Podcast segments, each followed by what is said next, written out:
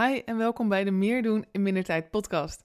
Ik ben Shelly Barendrecht en in deze podcast help ik hele ambitieuze ondernemers om structureel meer tijd te creëren per week om al die omzetverhogende plannen die je hebt uit te voeren, waar je nu maar niet aan toe komt, omdat je tijd tekort komt. En het, efficiënter maken van je business is daarin natuurlijk een hele belangrijke uh, rol, speelt een hele belangrijke rol. Zonder dat je je business efficiënter maakt, kun je ook niet extra tijd natuurlijk krijgen. En logisch dat efficiëntie tijd oplevert. Maar waar ik het in deze aflevering over wil hebben, is dat het niet alleen tijd oplevert, maar eigenlijk ook direct geld. Dan heb ik het niet over het gezegde tijd is geld, wat overigens wel klopt, maar dan heb ik het over iets anders. En uh, daarin wil ik je even meenemen in een uh, case van een van mijn uh, klanten. Want wat er bij haar eigenlijk het geval was, is dat er eerst maandelijks zo'n 15.000 tot 17.000 euro open stond aan betalingen die te laat waren, dus die aan haar betaald moesten worden en dus nog niet binnen waren.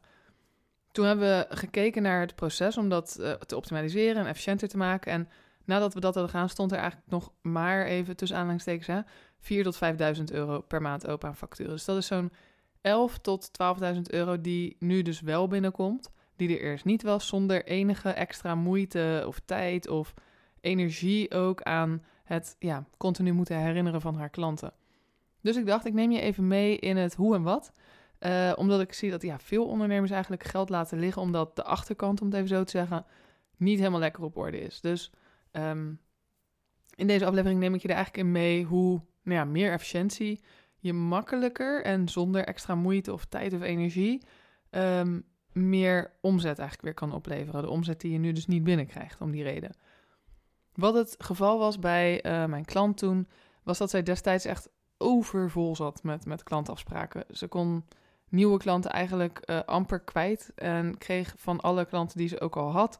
Uh, en, en potentiële nieuwe eigenlijk per dag tientallen mails en appjes en DM's. En die moesten natuurlijk ook allemaal beantwoord worden. Um, maar ja, als ze dan uiteindelijk hè, klant werden, en dat gebeurde bij haar ook heel erg veel, dan moest er uiteindelijk een betaling komen natuurlijk. Ik bedoel, ze kopen iets, dus je moet betalen. Dan moesten eigenlijk al die mensen ook nog eens achter een broek aan zitten over de afspraken die ze hadden gemaakt in de betalingen. En daar was ze mega veel tijd aan kwijt. En ja, oprecht was tijd eigenlijk die ze helemaal niet had. En die ze het liefst ook niet echt wilde steken in mensen mailen met... Hè, we zien dat je factuur nog niet hebt voldaan. Wil je die alsjeblieft zo snel mogelijk uh, overmaken? Want dat, dat kost niet alleen veel tijd, maar het kost ook wel bakken met energie. Want ja, dat is gewoon, gewoon tijd en energie die je veel liever steekt in het maken van een nieuwe weggever... of het lanceren van een nieuw programma... of het opnemen van een podcast, ook in haar geval. Dus ja, het, was, dat was die dromen eigenlijk die ze daarin, de tijd die ze daarin wilde steken, dat was helemaal niet aan de orde. Want dat waren altijd dromen voor later als het rustiger was. Uh, en nu kon dat gewoon niet, omdat ze um, ja, naast alle dagelijkse taken ook nog eens rekening moest houden met allemaal mensen opvolgen, mailen, de administratie deed het bijhouden. En het, het werd gewoon een heel groot gedoe, waardoor ze het ook voor zich uitschoof. En dan hoopt het werk natuurlijk alleen maar op. Wellicht herken je dat wel, zeker op op het gebied van administratie eigenlijk je hebt er geen zin in, of je denkt, oh ja, dat is echt zoveel werk, daar moet ik een keer goed voor gaan zitten. Waardoor je het de hele tijd opschrijft naar morgen en weer naar morgen en de dag daarna en de dag daarna. Omdat het eigenlijk al zoveel voelt voor nu, dat je ja, er gewoon als een berg tegenop begint te zien. Dus maar ja, hoe, hoe langer het blijft liggen, hoe meer het ophoopt natuurlijk. Dus we zijn bij haar gaan kijken van oké, hoe komt het nou überhaupt dat, het zo, uh, dat, die, dat die betalingen zo laat binnenkomen van die klanten? En we zagen dat de meeste van haar klanten kozen voor termijnbetalingen. Dus die kozen ervoor om het programma niet in één keer te voldoen, maar in, in x aantal keer. En wanneer ze dan, uh, de eerste termijn, die voldeden ze meteen bij aankoop, helemaal prima. En dan daarna, um, de facturen die allemaal daarna kwamen, daar ging telkens, hè, gingen mensen te laat eigenlijk op betalen. Of na pas zoveel herinneringen. Dus um, we zijn begonnen even bij die uh, aanmaningen, omdat die natuurlijk heel veel tijd, maar ja, ook energie en uiteindelijk ook geld gewoon kosten. En je kan dan denken, joh, zet gewoon die automatische herinneringen aan, dan krijgen ze automatisch een aanmaning. Maar daarmee was het probleem uit zichzelf niet opgelost, want we zijn gaan kijken daarna, oké, we wisten waar de tijdlek zat, dus het, opvolgen van een factuur die niet wordt betaald, in het geval van de termijnbetalingen.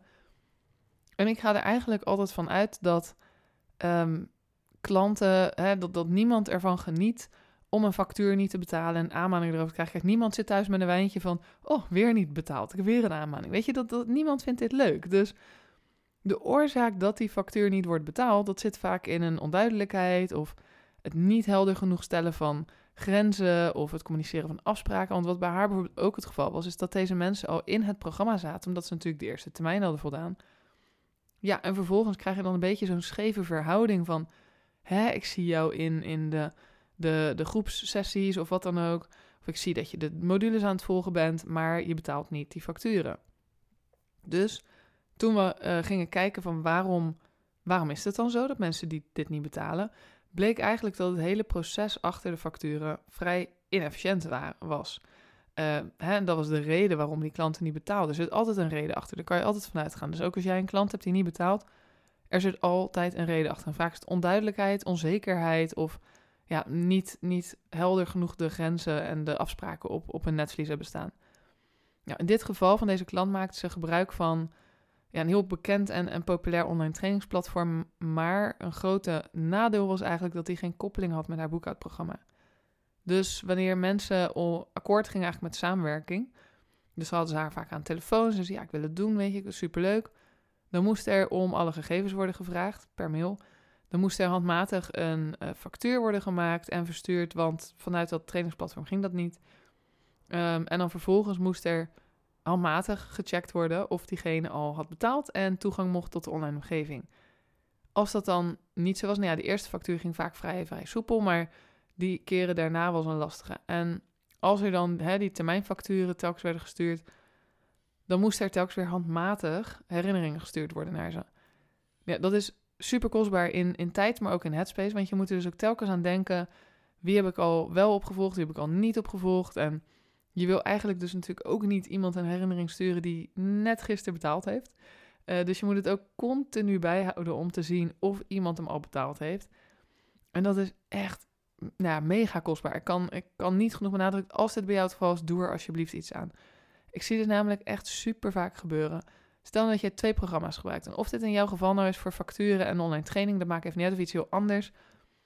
Als je twee programma's gebruikt en je kan ze niet met elkaar koppelen maar uh, het, het, het handmatige werk eigenlijk, wat er daardoor bij komt kijken, is, ja, kost jou heel veel tijd, energie en moeite.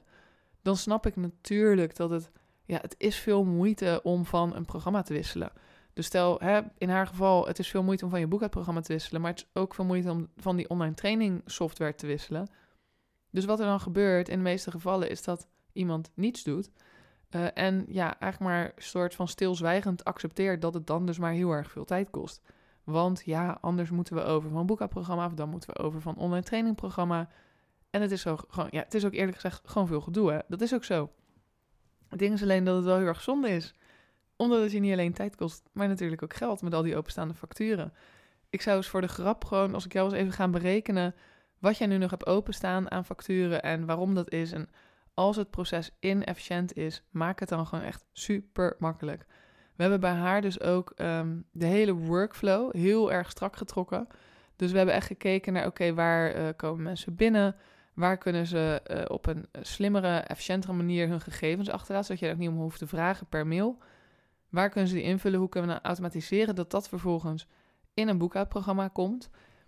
Um, en ja, daarbij moesten er natuurlijk keuzes gemaakt worden in welke tools dan dus goed of eigenlijk beter dan, dan die ze eerst gebruikten, um, in dit proces passen. En dat is een lastige keuze, want je zit ergens bij en zit je vaak om een reden bij en overstappen, het is ook een kutklus, dat is ook helemaal waar.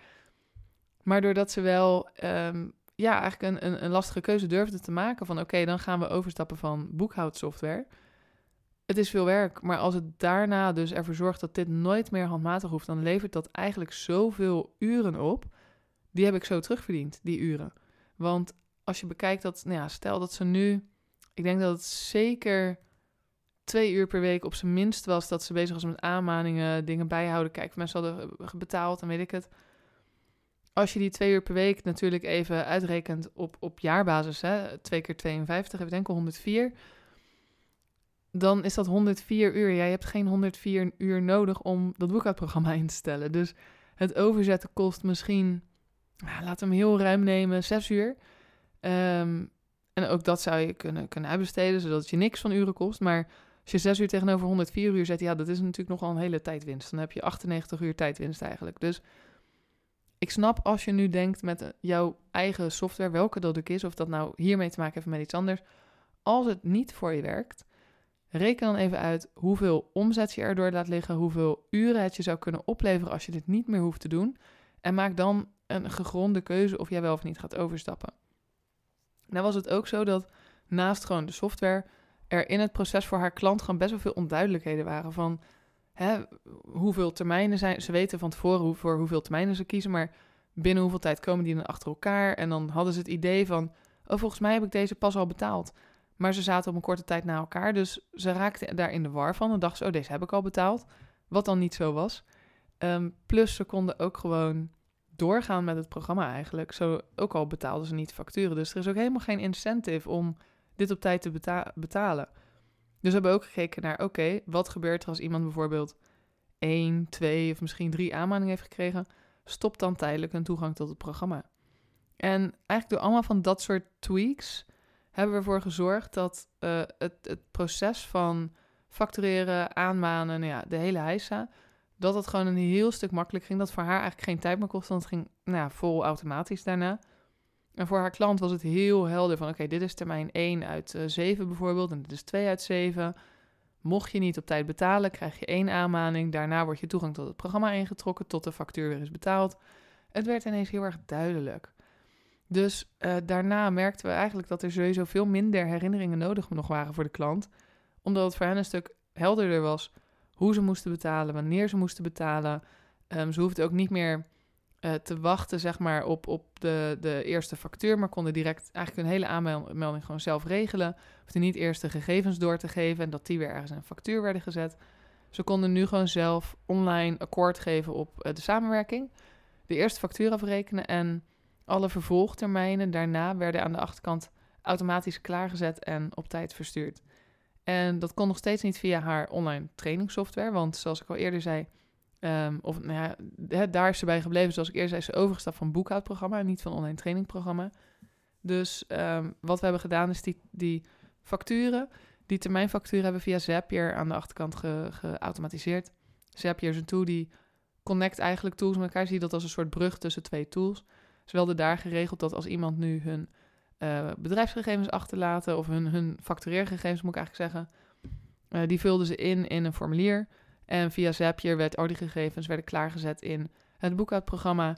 Uh, werd factuur van gemaakt, werd termijnfacturen van gemaakt. En dat werd allemaal ingepland en verstuurd zonder dat ze daar nog iets voor hoefden te doen. Dus het was een stuk fijner voor de ondernemer, maar ook een heel stuk fijner voor de klant. Want ja, heel eerlijk, die houdt er ook gewoon van om met zo min mogelijk gedoe gewoon lekker meteen aan de slag te kunnen. Je, je bedrijf efficiënt inrichten, daar heb je op zoveel verschillende vlakken profijt van. je hebt meer tijd in je agenda.